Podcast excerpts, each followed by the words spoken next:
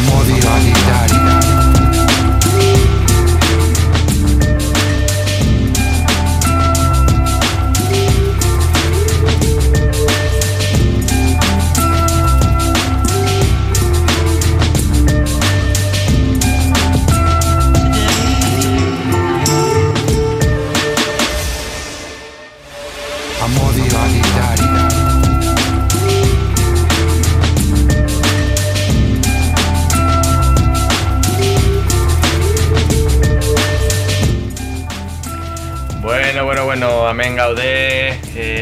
Berriz ere, e, lanaren ekonomia saioko zazpigarren denboraldia azteko, e, betiko lez, ba, hemen dekogu, Inez Agirre Askoenaga, kaizu Inez, Arratsaldeon bai.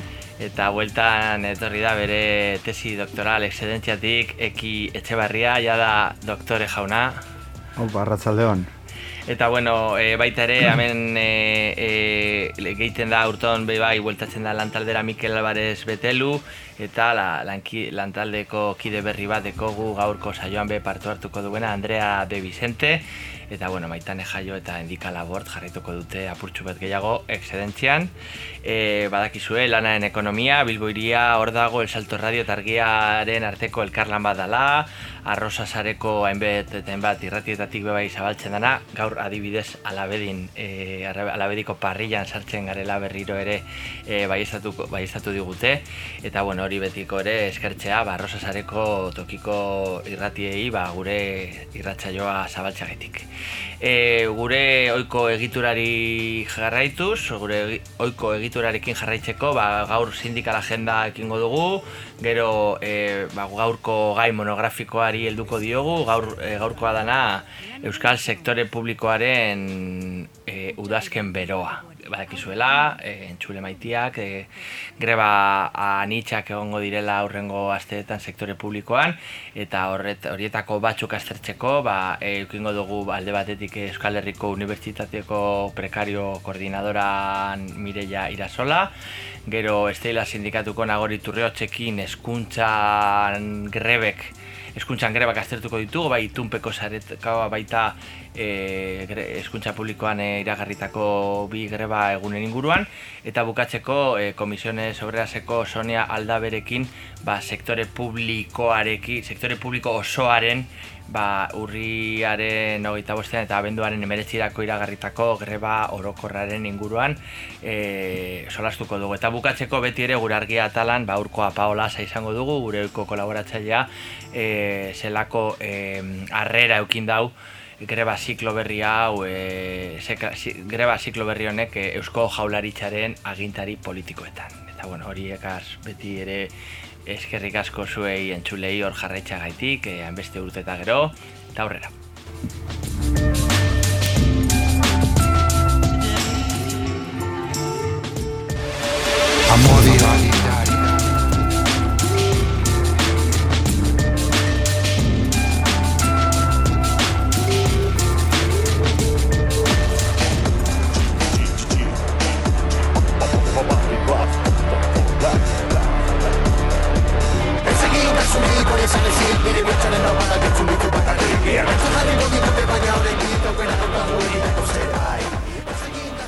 Ba, tira, e, urrengo egunetako sindikal agendarekin hasteko, gaur urria cloud dituela, e, ba, ostalaritzako langileek e, greba hasi dute, eta urriaren amaikan eta amabian ere greba honekin e, jarraituko dute. Korreoseko garbitzaileak, hirugarren greba eguna bete dute gaur, eta hilaren amabostera arte jarraituko dute, izan ere, lau hilabete daramatzate kobratu gabe. Arabako erresidentzia pribatuetako eta etxe bizitza komunitarioetako langileek sortzi e, greba egun gehiago iragarri dituzte, gaurkoa bigarrena izanik, eta azaroan, sortzian bederatzen eta marrean, eta benduan, amabian, amairuan eta malauean, ere egingo dituzte grebak. Helburua mai negoziatzailea desblokeatzea eta provintzia mailako lehen hitzarmea lortzea da. Laudion, Glavistako langileek e, ba, e, lantegian itxi dira gaur, e, ba, bertan e, iragarri duten e, erearen aurka eta e, ostiralerako manifestazio ditu de zeiretan ba, ere horren kontra egiteko.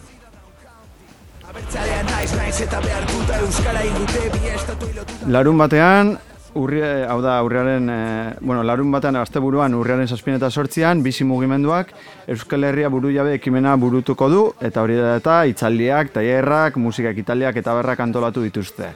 Lanaren ekonomiako delegaritzere han izango da.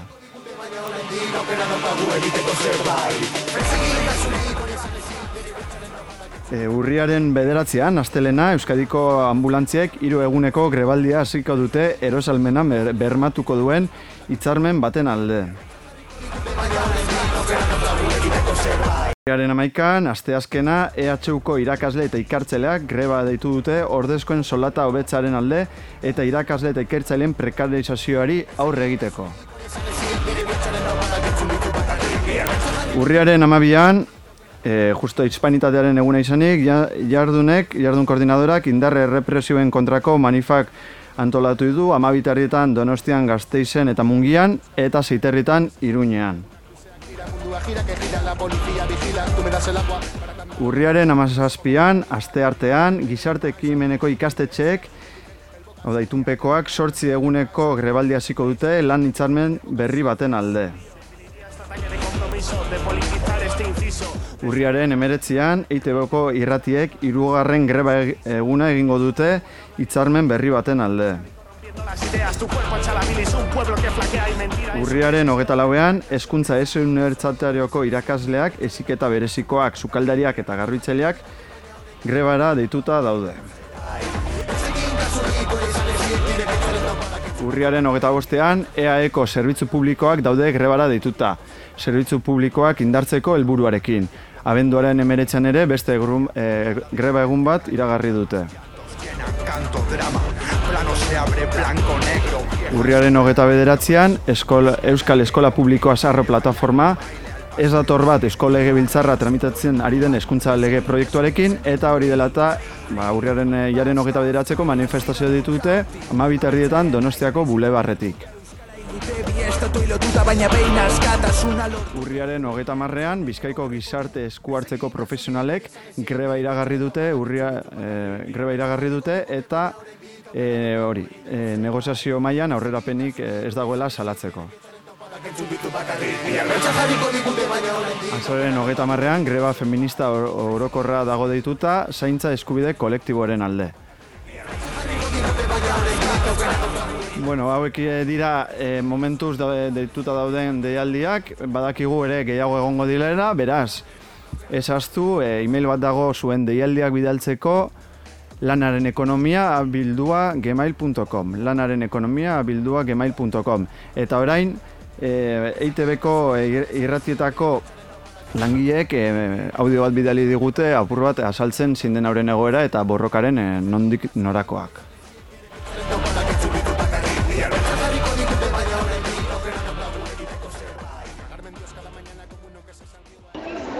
Hamaika arrozoi dira Eusko Irratiko langilegoa mobilizazioetara eraman dutenak. Azken amairu urteotan eguneratu eta egokitu gabe dagoen lan hitzarmenaren inguruko negoziazioetan gertatutakoa ba izan da azkena. Zuzendaritzak luzatutako proposamena baztertu egin zuten langileek, ulertu zutelako eskatzen genituen lan egokitzapenak eta eguneratzeak ez zituztela kontuan hartzen. Azken urteotan inolako formaziori jaso gabe, ez egoizkigu lanak egin behar izan ditugu eta formatu berriak inposatu zaizkigu. Eta zuzendaritzaren proposamena gutxiegi dela uste dute langileek, egunerokoan dituzten arazoak ez direla konpontzen, eta lan berriek dakartzaten behar izanak ez direla betetzen. Eta langileok etxituta gaude.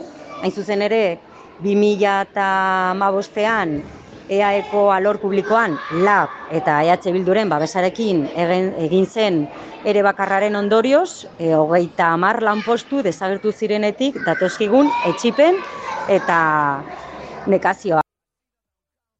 Eskuirratian azken urteotan langileok izan dugun e, gainkarga demasekoa da. Oder, ordezkapenik ez, sare sozial eta teknologia berriek eratorritako lan eta funtzio berriak, eren eraginez plantillan faltan diren lanpostuak, dena, oraindik ez delako oinarrizko plantillaren zehaztapena egin. Eta hau gutxi balitze badago, langileen artean, irratietarako estrategia ez egotearen sensazioa. Iparri gabe noraezian dagoen zuzendaritza baten aurrean egotearen sensazioa. Bien bitartean, zuzendaritza besteak beste, formatoak inposatzen ari da, langilekin inolako akordeorik eta negoziaziorik ba egin gabe. Eta ate gehiago, azken hamar urteotan, Eusko Irratiko langileok erosketa ahalmenean euneko hogeian galdu dugu. Joan deri irailean e, amalauan eta hogeita zeian bi greba egin ditugu Eusko Irratian eta ondorioz zuzendaritzak maila gaineratu duen bakarra da negoziazio ba, egutegi bat. Ez du hobekuntzarako inolako asmorik eta proposamenik agertu. Hortaz, ba, berririk ez badago, grebara bultzatu gintuzten arrazoiek berriz ere kalera eramango gaituzte.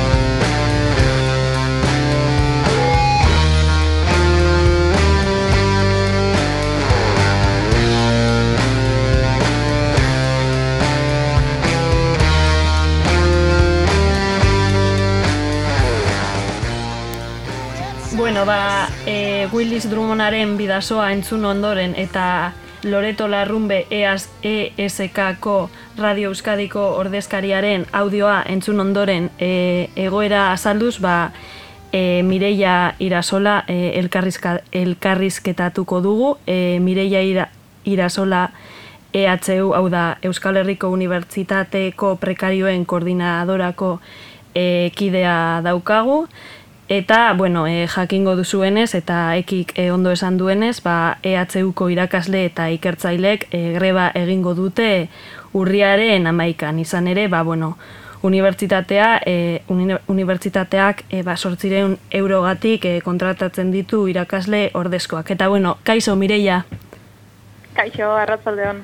Bueno, ba, E, lehenengo, e, ba, gustatuko litzaiguke ba hori, e, zuk azaltzea hori, e, ba, koordinadorako kide moduan, ba, nola den posible edo ze irakurketa egiten duzuen, ba hori, unibertsitateak e, jendea sortzireun eurogatik e, kontratatzearen ba, kontu hori, zer gertatu da?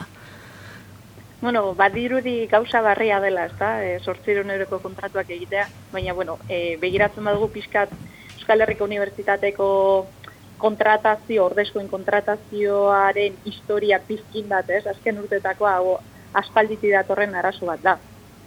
E, dagoeneko, ba, bueno, be, 2008an, bergota bat barra 2008 dekretuak han esartzen du lanaldi partzialean kontratatu alizateko aukera eta soldatak, ez? Oso soldata e, sumeak eta bueno, prekarioak, ez? sumeak barik prekarioak iza erabiliko dugu.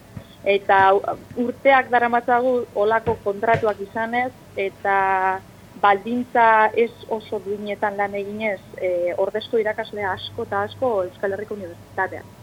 Eta egia da, orain gertatu izan dena izan dela losu legea bueno, losu legea aplikatu barik, losu legearen interpretazio oso murriztatzaile bat aplikatzen hasi dela Euskal Herriko Unibertsitatea. E, eta losu legea, ba, bueno, e, Espainiati datorren e, lege bat da, ez da, eta teorian, bai, e, eure, e, elburueteiko bat lege honena da, badibidez, le, ba, e, i, hau da, e, finkoak ez garen irakasleen proportzioa unibertsitatean jaistea. Baina kontua da, segun eta zelako interpretazioak egiten diran, ba, gertatzen dena dela, ba, adibidez, ba, baldintza bat ere duinetan e, ba, lan egitera bultzatzen gaituzla, ba, olako ordezkapenak eskainiz, ez? Eta nolabait, ba, o, gure karrera akademikoan jarraitu nahi baldin badugu, ba, eukitzen dugun aukera bakarra baldin bada, ba, hainbat jentek, ba, horrelako kontratuak onartzen onartu ditu eta bueno, gure ustetan ba, nahiko larria da egoera. Bai, e, zuk aipatu duzu e, errektoretzak e, orain dela gutxi ba, onartutako hori losu legearen irakurketa edo ba, murritza egiten duela. Eta hori, azaldu aldi guzu zergatik e, diosun hori, badago beste modurik losu legea aplikatzeko? Bai, hor badago artikulu bat, laurogei garren artikulua zuzen be, eta bertan jartzen dau, ba, zelan ordezko irakasle batek, ba, ordezkatzen duen irakaslearen kreditu kopuru beraman behar duela, ez gehiago, eta esaten duena da, berak ematen duen irakaskuntza ordezkatze, ordezkatu behar duela. Bai?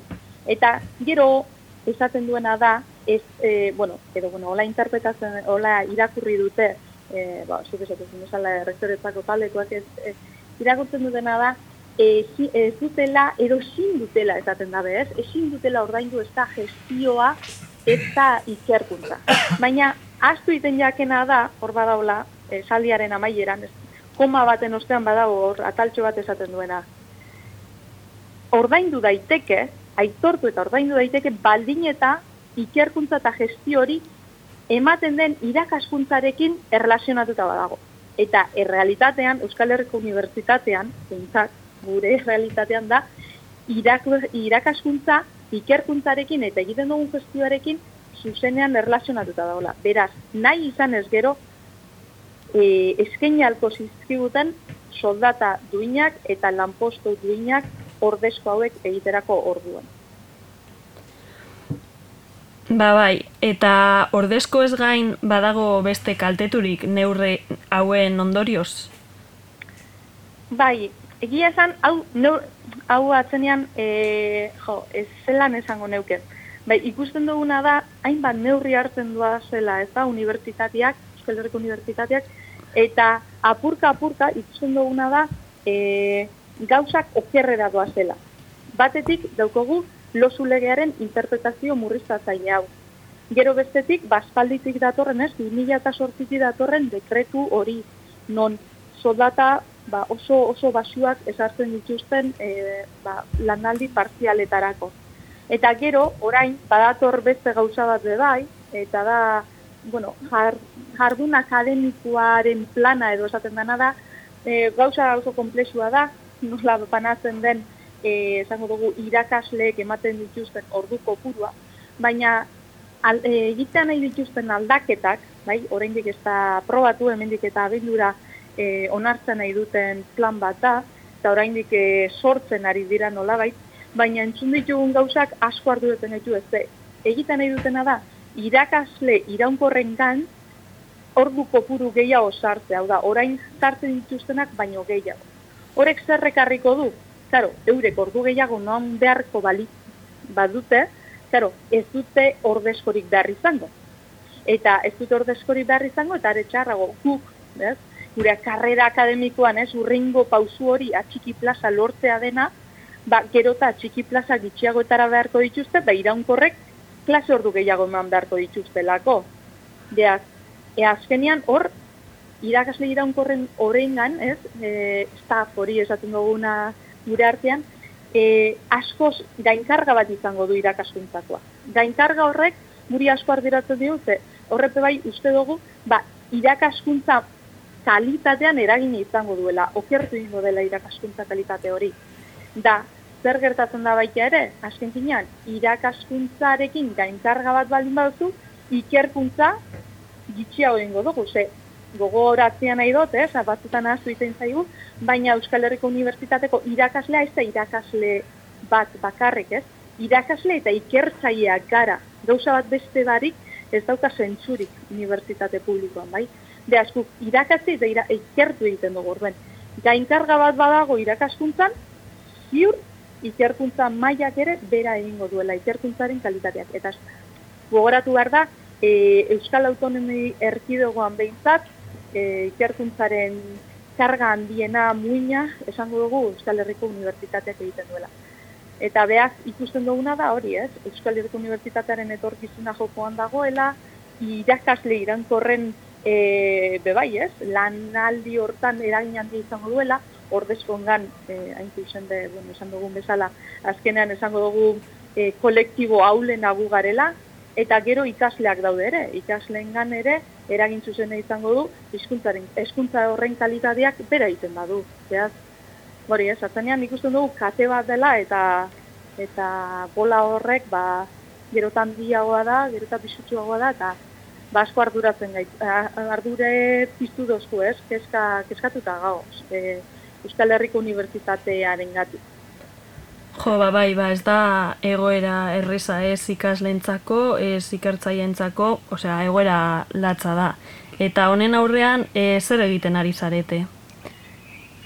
Ba, hainbat ekintza dara matzagu aurrera, e, hasi hasi ginen, e, e, ba, bueno, konzentrazio batekin, uda orduko, eta sinadura bilketa batekin hasi ginen. Eta sinadura bilketa horretan ere, ba, bueno, e, mila eta eundiko erako ikas, irakasle eta ikertzailen atxikimendua jaso gendun. Eta, bueno, horrek e, bultzada handia eman zigun, ba, aurrera jarraitzeko.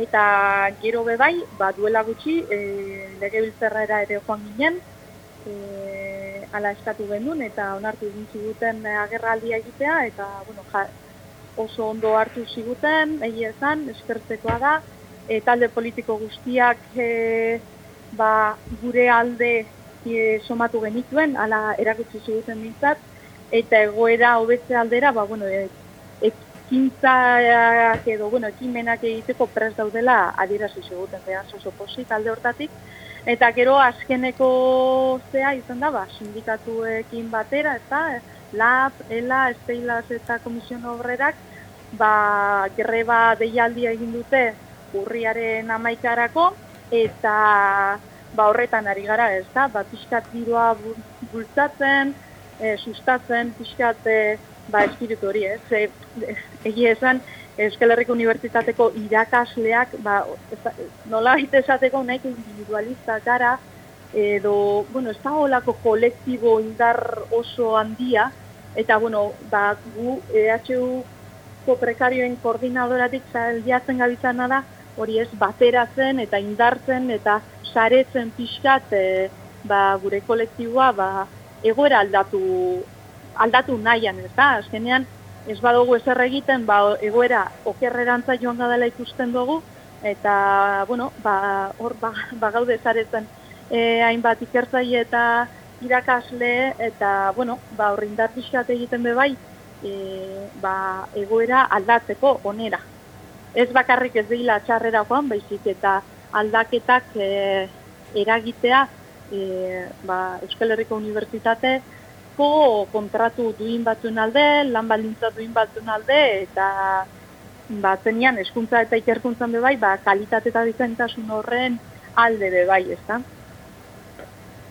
Bai, ba, sorte hon eta animo asko zuen e, jardunean, ia aurrera egiten duzuen, eta eskerrik asko ba, gurera etortzeagatik eta e, honen berri emateagatik. Eskerrik asko zuei aukera matearren. Bai, arratzalde hon. Arratsaldeon.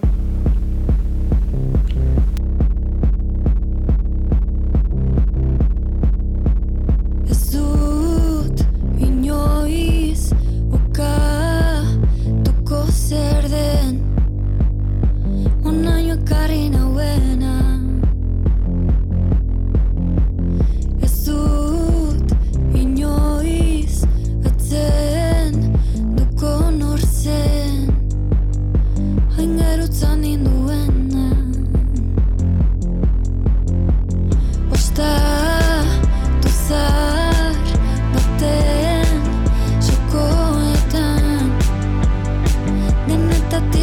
distant I see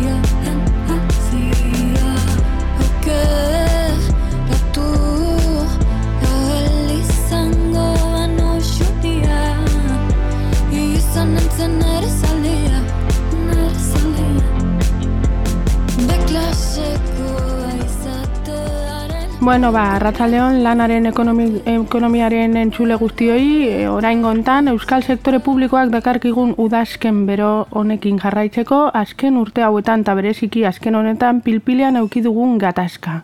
Hezkuntza sektorean emandako gatazka hain zuzen. Horri heltzeko gurekin daukagun nagore iturrioz, Esteila sindikatuko bozera mailea, Arratzaldeon nagore? Arratsaldeon.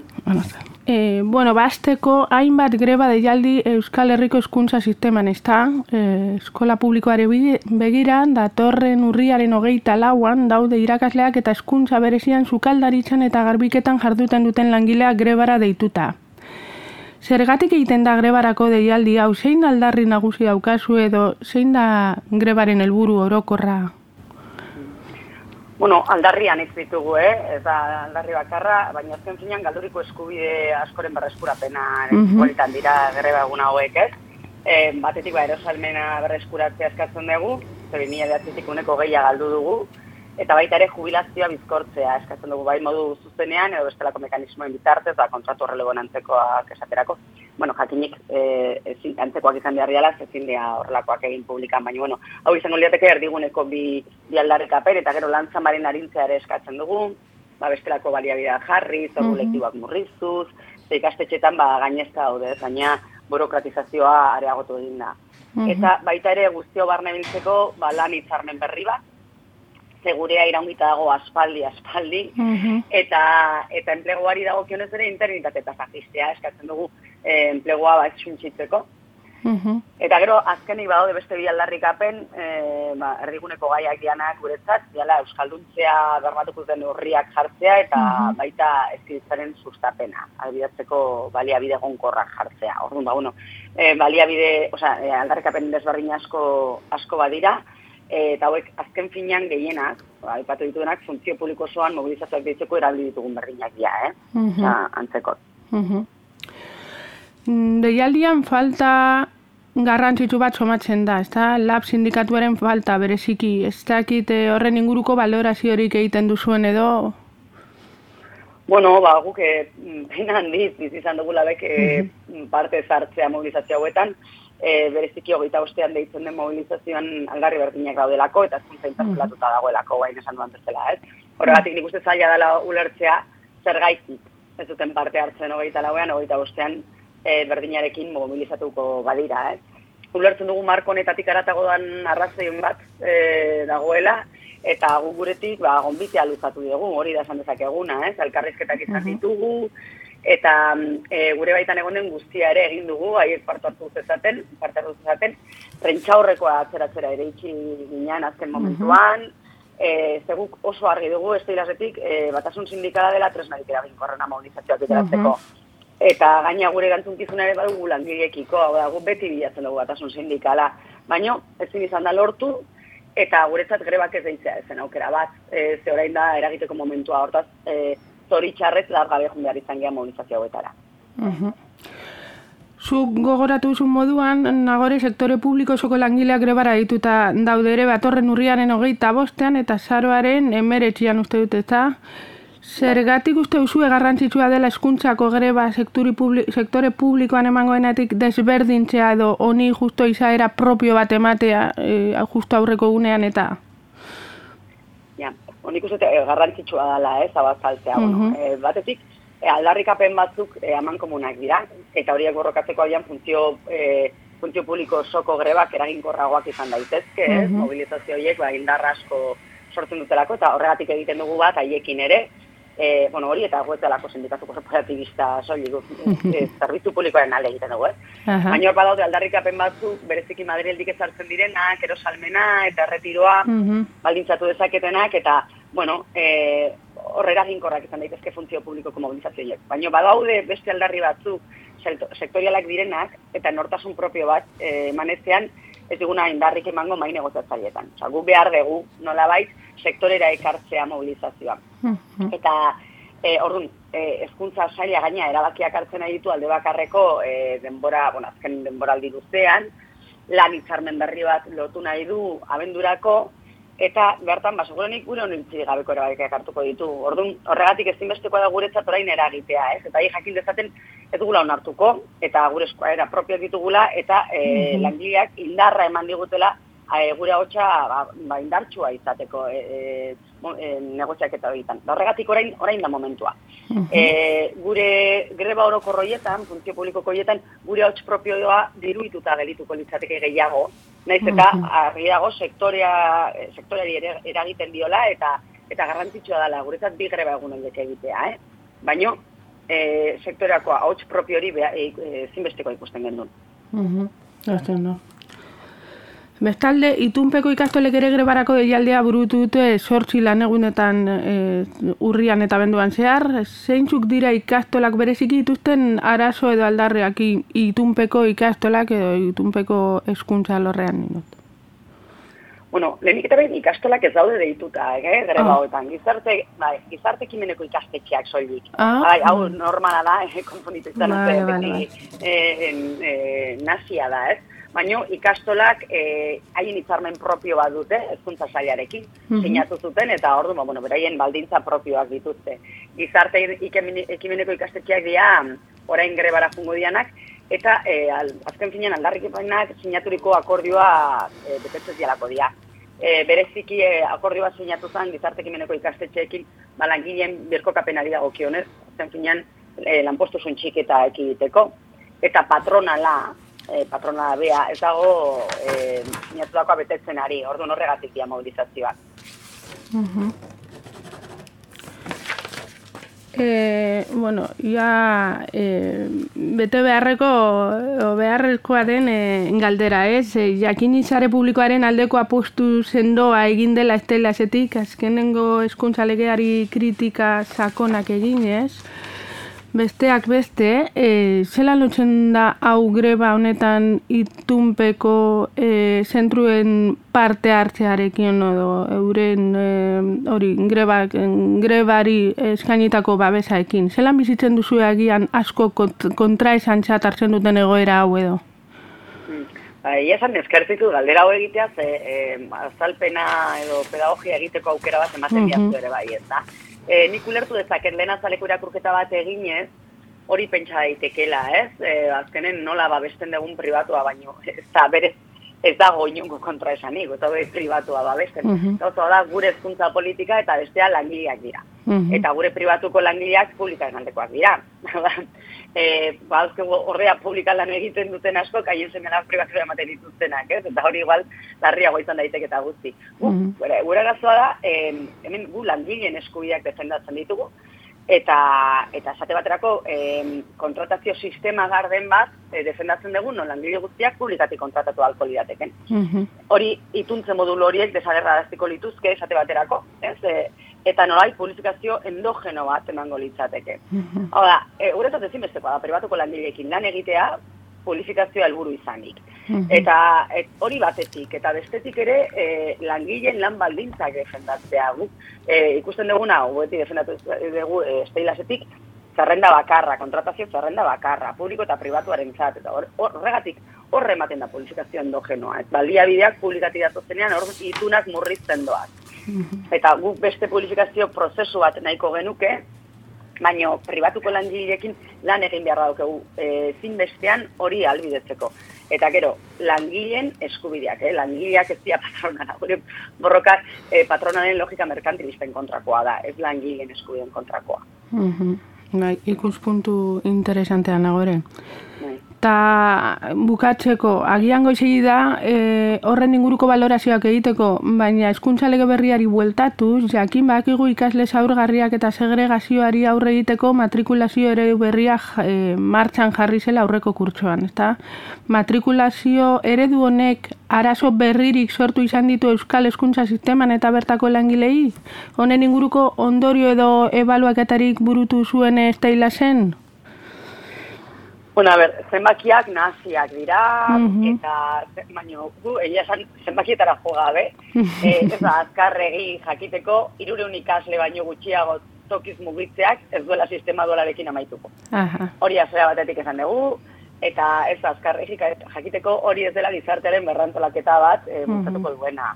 Osea, horretarako sakoneko erabakiak hartu behar dira, eta ez daude, bueno, ezkuntza zaila ez dago prest, hau partxe bat baino ez da, hori argi izan dugu beti, ikasleak mugitu dira publikatik pribatura haien zaurgarritasun tasak betetzeko eta ituna jasotzen jarraitzeko.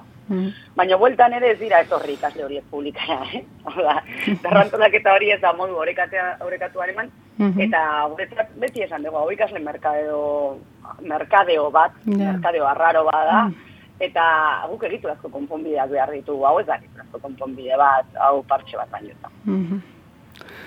Bueno, ba, mila esker berriz ere gurekin egoteagatik nagore eta greba arrakastatua izatea espero dugu, urrengora arte eta mila esker. Mila esker zuei plaza emateagatik. Plazerra, eskerrik asko. Pikara magazin, amar urte bilbotik mundura kasetaritza feminista zabaltzen. Aldizkari digitala eta paperezkoa, monografikoak zein hizkuntzak losategia, irakurketa errezean edukiak, berbalagun feministak. Lagundu urratz berriak ematen, sartu pikaramagazin.com eta egin zaitez arpide. Pikara magazin, kasetaritza feminista.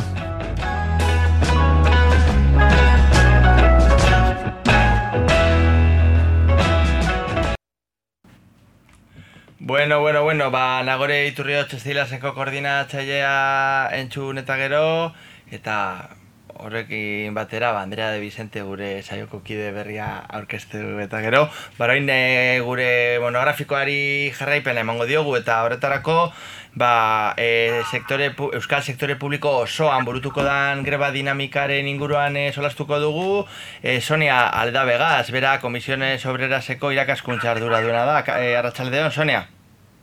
Arratxaldeon, zer modu. Bueno, ondo, ondo, zuek eh, jakin izan dugu, eh, ELA, Komisiones Obreras Lab, Esteila, Satze eta SK eh, abiatutako gre, sektore publikoko greba horren, eh, azken intersindikalatik eh, ur, irtetzen zabizela, ez? Bai, bai, bai, bertan atera hortik, bai. Zelan joan da bilera, ondo, ze, ze, zer eh, iragarri alda edo?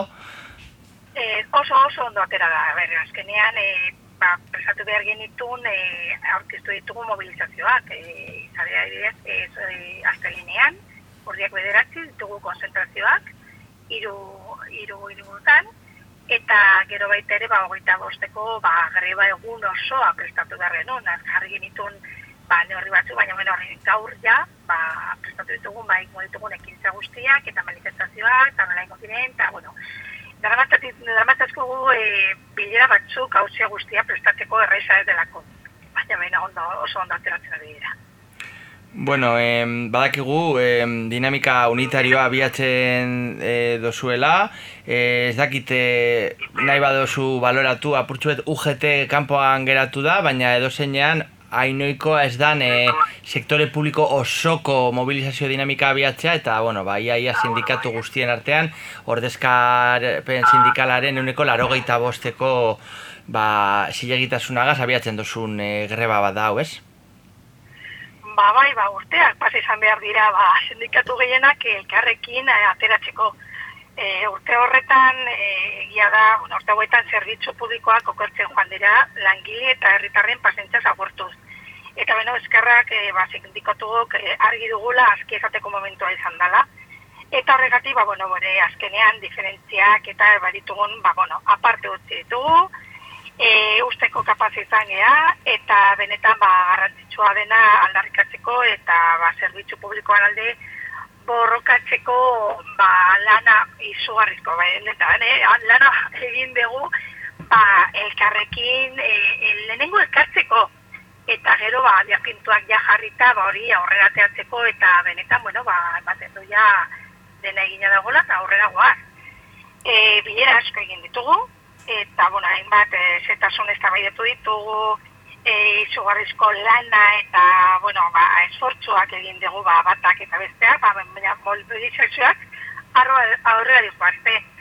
E, orain zer behar dugu, ba, ba jendeak e, benetan konpromesuak behar behar du eta bai langileak eta baita erabiltzaileak atera behar dira gurekin, ba, benetan esateko ba, nahikoa dela, onaino jogatu garela, eta hemendik aurrera gauzatuak galdetu behar direla, ba, benetan e, zerbitzu publikoak kalikatizko behar ditugula eta nahi ditugula. Bueno, eh, lanen ekonomia eh, saio honetan, aztertzen ibili gara, baita Euskal Herriko Unibertsitatean Komisiones Obrerasek be parte hartzen duzuen eh, greban, eta baita ere eh, aurreko egunean, eh, urriaren hogeita lauan, egongo dan eskuntza, eskuntza arloko, eskuntza publikoko greba. Urriaren hogeita bosteko sektore publiko soko greba horretarako, e, alde batean zeintzuk izango dira aldarrikapen nagusiak eta batez ere ez dakite zuen asmoa edo zuen helburu konkretua badan Eusko Jaurlaritza e, ma, negoziazio mai batera eroatea ze bestela e, abenduaren meretzirako bigarren greba sektore publikoko greba orokor bat e, iragarri dozu, ezta? Hori da, osea, azkenean, bueno, baina hori da, baina ez bakarrik mailak e, planteatu eta aurreateatzeko. Osea, benetan mai horretan egin behar diren behar duguna eta benetan elkarrekin hitz egin behar dugu eta aurreratzea behar ditugu akordioak Ma, maiak izan ditugu, osea, ez, ez, ez dugu esan ez garela inoiz elkartzen, osea, bilerak baditugu eta hitz egiten dugu, baina azkenean ez da ez sinatzen, ez ditugu akordioak lortzen. Askotan ez dugulako hitz egiten gu benetan, uste dugula, ba, garrantzitsua dela eta horri buruz ez egin behar dugula. Orduan bai behar ditugu mailak, baina behar ditugu mai horretan zintzuk izango diren gaiak eta horri buruz egiteko. Osa, amarrean izango dugu mai bat, mai sektoriala, baina gu nahi ditugun gaiak ez dira mai, mai gainean izango. Eta gu gauzo guztia planteatu dugu eta amarrean ez dugu itzegingo hemen agertzen diren gaiei ez da bati buruz. Eta haiek bai eta dakite ja zintzu diren gure aldarrekapenak askotan esan ditugulako. Baina, naiz eta maia pertatu eta hori amarrean esan dizute. Eh? Gatorren astean izango dugu maia gaur bertan, aiegatu zaigu e, zera, e, e, e, zera, aire. Deialdia. Eman, berria, berria. Eman digute berria, ba izango dugula. Eta mai gainean ez dute jarri gu behar dituguna. Guk hasieratik esan dugu, ba, bi, bi maiatuako behar e, ditugu alde batetik, izan behar dugu, ba, hemen gure soldatak eta gure benetako e, beharrak bete behar ditugula. Eta hori, horri buruz, edo goitzen. Badakigu, Madriletik badaukate bere, bere zehaiek erabakitzeko, baina badaude moduak hor bertan, bere ekin hitz egiten, eta horretarako daukagu horrekontuak, eta baina adibidez, ez ari dira, eta hemengo hartuen beharra dutenez, mai gainean jarri behar dituzte, gu benetan nahi dituguna. Ez bakarri guk, osea, oso denok behar duguna. Eta gure aldarrikapenak alde batetik da soldata, azkena urte hauetan galdo ditugun euneko hogeia, eta orduan hori ja ezin da onartu. beste eta batetik e, legua egon kortu behar dutu eta sortu behar dugu benetan, ez plan, planteatu da orain e, e, plan bat e, guztia egon korteko eta eta badakigu ez dela betetzen. Oie nahi dutena, egunika sortira ez gara llegatuko. Baina hori, haiek badakite eta badakite zer egin behar duten, baina ez duten egiten. Bai gainean ez dago. Privatizazioarik berririk ez, ez dugu gehiago nahi. Eta nahi dugu, e, privatizazio zena, orain nahi dugu planteatu nola egingo dugun berriro publikora. Osea, gurea da, denontzat da, eta hori guztia gu plantego e, de, e, kar, e, denon artean kudiatu behar dugu. Eta, E, e, bai, bai, esan. Parkatu, bai, e, aipatzen duzu alderrikapen laboral e, banaiko argita garbi batzuk, baina baita hasieratik e, planteatzen da baita lanbaldintzatik aratago zerbitzu publikoaren kaskartzaren aurkako greba dala baita ere, eta horrein aipatzen duzu e, ba, privatizazioaren aurkako neurriak eskatzen dituzuela, ez? Eta zer dakit gero pu- e, publifikatzea, edo baita adibidez sarritan bai eskuntzan eta bai osasun gintzan, eta baita udal politikan, ez? Udaletxetan, ba, gero sarriagotan ikusten dituguna da, e, ba, zenbait enpresatan e, externalizatzen direla zerbitzuak, eta hori bai lan balditzan kaskartu, eta bai zerbitzuaren kalitatearen kaskartxa datorrela, ez? Bai, eta nabaritu, nabarituago da, eta hori ikusten nahi gea, batez ere osakidetza hor oso gorgi daukagu, ez direla betetzen bete behar dituzten neurriak eta epeak, baina batez ere behar dut nahi dutelako, ba hortik dena kanpo bota, eta hori ezin dugu onartu. Eta horietako gure aldarrikapen, horietako, ba, e, gure aldarrikapentako bat oso garrantzitsua, ba azkenean ez dugulako nahi, ba, gure zerbitzu guztiak eta betidanik izan ditugun fama, gero eta akorako daukagu, orain dela hori urte, osea, orain dela hori urte, gure zerbitzu publikoak ziren benetan Europako onenetakoak. Eta gaur egun ez, dut esango ba, e, azkenean garela, baina ez gara, vamos, ni de lejos izan garenak, eta izan behar dugu berriro. Ahal dugulako, diru dugulako, eh, espezialistak ditugulako, profesionalak ditugulako barruan, bagoaz, hori guztia aprobetsatzera eta benetan zerbitzu publiko onak eta kalitatezko izatera.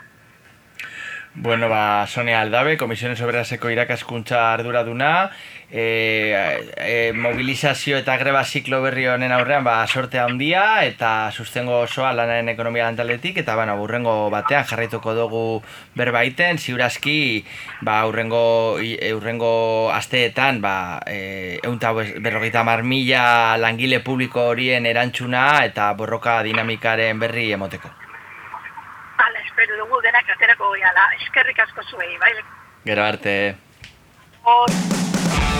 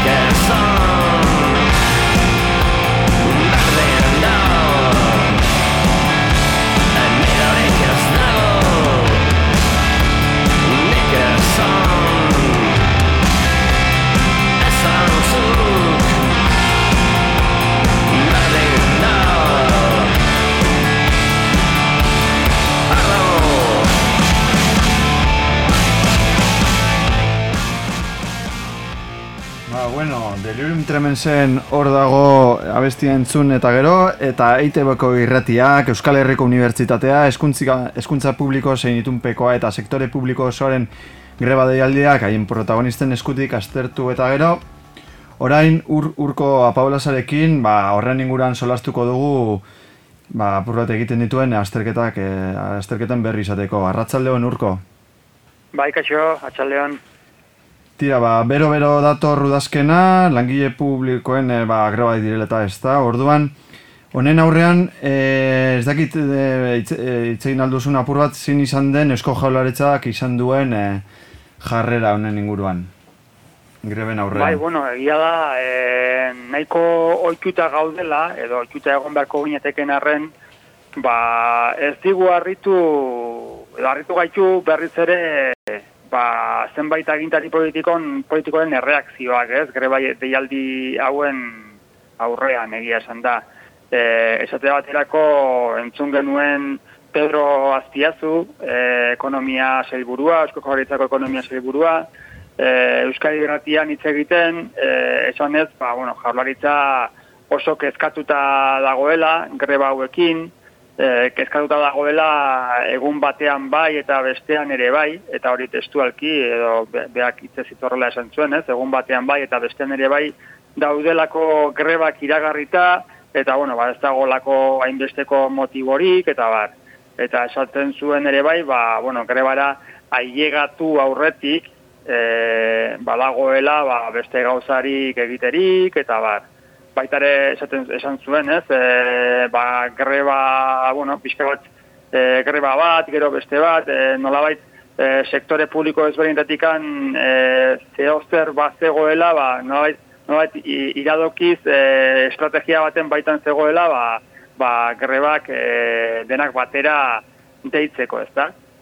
Ikusten zen, ikusten da, ba, bueno, pixka bat, e, ari direla, eta Pedro Azpira zuren hitzetatik hori ondo ezatu daiteke, desakreditatzen, ez, e, greba deialdi horiek, nolabait esan ez e, muturreko zerbait neurri bat bezala dela greba, ez? Azken nien horrela ordeinua ilegatu behar balin bada, ba, muturreko zerbait dela, edo, edo bueno, pixka bat nolabait kapritxo bat ere izan daitekela, ez? Egun batean bai, bestean ere bai, bueno, gaur okurritzen zai greba egitera, egitea, bihar ere bai, pixkat hori, ez? Eta gero ere bai nolabait, ba, konspirazioaren teoria bat edo, ez? Ba, estrategia politiko bat dagoela, eta politiko hitza berak esan, bere, berak eman nahi dion esan nahi horrekin, ez? Ba, sindikatu guztiena, ba, justo danak ados jartzeko greba ezberdinak e, deitzeko, ez? Orduan, ba, bere esanetan, ba, hori, ba, ongi bizi garen ez, Euskal Herrian, ba, ez dagoela arrazoiik e, olako zerbait e, egiteko, ez da? Hori izan da pixka bat, e, jaularitzaren erreakzioa, eta, eta bueno, nik uste e, sindikatuek eurek, ba, erden deialdian ere aurretik, be, aurretik ere ja erantzun diotela e, azpiazuren hitz horiei, ez?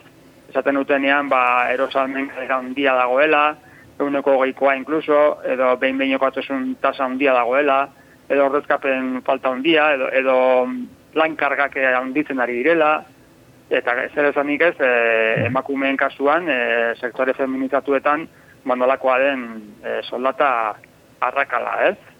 Eta beraz, ba, bueno, naiz eta adibidez bingen zupiriak, eh, esko jarritzako bozera maileak ere, eh, saiatu den ez ez tatzen arrazoi horiek, esan ez, eh, ba, gauzaiek ez daudela jalbaritzaren eskumen, ez direla jalbaritzaren eskumenekoak, edo, edo bueno, eh, nolabait badutela adibidez eh, behin behinekotasuna murrizteko konpromiso bat hartuta, ba, ikusten da, errealitatea, ba, erre- errealitatea ba, beste, bestelakoa dela.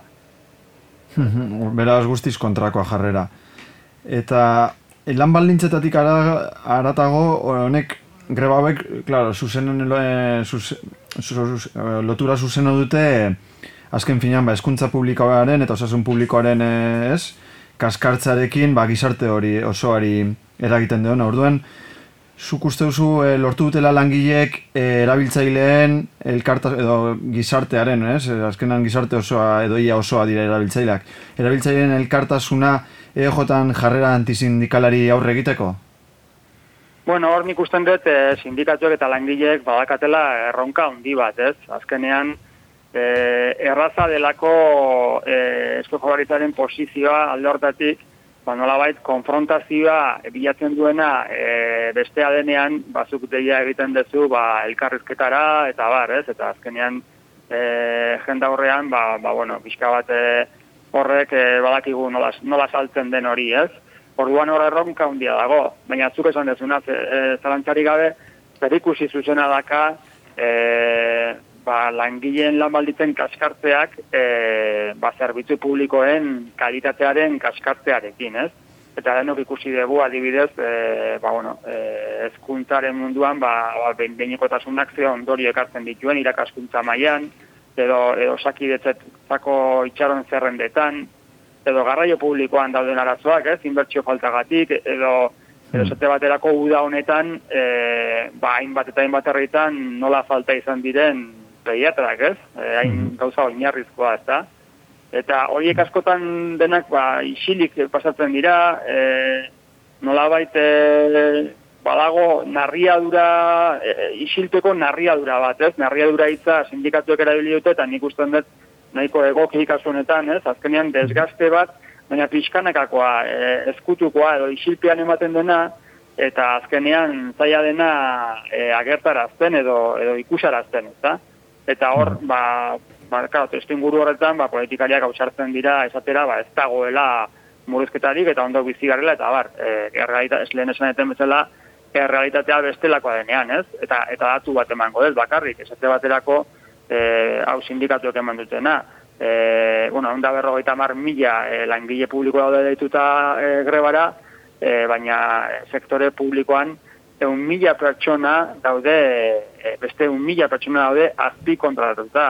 Orduan, azpi kontrata horiek zenolako baldintzatan e, enplegatzen duten jendea, ba, ba ikusi barko litzateke. Eta ja, bueno, kasetari etzaren ikuspegitik, e, zelan aurre ikusten duzue greba ziklo honen jarraipena egitea argian? Bueno, bueno, honetarako edo? Bai, bai, bueno, guk argian e, beti bezala e, saiatuko gera jarraipena gertukoa egiten gure webgunean, e, albisteen bidez edo danadalakoen bidez, ez, azkenean eguneroko medio bat badakagu hor, eguneroko tresna bat, eta eta webgunearen bidez jarraipen hori egingo dugu, baina horrez gain, ba, artikulu, elkarezketa edo erreportaje sakonagoak ere eskaintzen saiatzen gera, e, astekarian eta bar, eta saiatuko gera horri ere heltzen, ba, bueno, pixka bat batez ere e, e, sakonean dauden e, gakoak azal, azaldu edo edo eskaini nahian gure gure irakurleari eta eta gure e, komunitateari, ezta. Mhm, ba, oso ondo, ea, lortzen duzuen borroka behin merezi duten jarraipena eta behi hartzuna ematen. Eskerrik asko urko apalosa gurekin egotagatik eta urrengora arte. Bai, mi eskerzu dahi. Agur. Agur. Bakarrik defendatzen dugu gure alangile klasea eskeraleak Independentzia eta kalea lortuko ditugu gure ametsak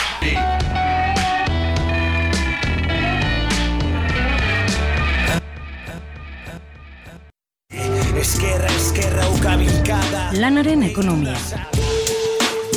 Kutsadura informatiboari aurre eginez, ekonomia gaiak jorratzen eta ulertarazten duen saioa. Irratia, hor dago eta argia, elkarlanean. Lanaren munduko analizia. Lagunak egan, ametsak egan Bueno, bueno, bueno, ba horrela bukatzen da lanaren ekonomia zazpigarren denboraldiko lehenengo saio bero-bero hau betiko ere lantalde guztia e, hemen e, egon gara bata bestean atzetik gure elkarrizketak edo gure beteberrak eiten eta nola ere betiko Ibon Burgoa eta Ane Zabalari bebea eskertzea eta bueno, baita ere zenbat gara elkarteko kide guztiei ba, aukera hau emoteagatik, ja sei urte eta gero, ba, hemen jarraitzen dugu lanaren ekonomia, ba, la- langileen ikuspegitik jorratutako gai ekonomikoak e, e, aurkezten, ez? E, orduan, bueno, ba, eskertzea baita e, ba, Bilbo hor dago hori, es- El Salto Radio eta argiari, ba, gure elkarlanean, e, ba, el, gure elkarlana elikatzea gaitik, ez, beraien eguneroko lana gaitik, baita ere arrosa sareko hainbeste irratiei, ba, gure saioa e, bere sareetatik zabaltzea eta bere, bere planilloan, bere, bere parrillan sartzea gaitik, eta bueno, ba, baita ere, eta beti esaten dugun bezala, ba, ba, zuri, baita bereziki entzule maitiari, e, hor jarraitzen den dozulako, e, badakigu asko sariela eta asko maite dozuela lanaren ekonomia gure euskal sindikal magazin hau. Eta bueno, ba, or, orain hasita, ez, e, bi astean behin, ba, betiko lez, jarraituko dugu, eguaztene, bi eguaztenean behin, e, atxaldeko seiretan, izango da gure zuzenekoa, eta gero ere, ba hori, ez, e, e, kolaboratzen daben medioen e, webguneetan, ba, sarea eta sareetan, ba, e, podcasta entzuteko aukera izango duzu, eta bueno, ba, hemen jarraituko dugu, zuen audio eta zuen e, greba eta borroka sozial eta sindikalen zain geratzen gara, gure sindikal agendan sartzeko, eta bueno, ba, ba hemen jarraituko dugu urte askotarako. Gero arte.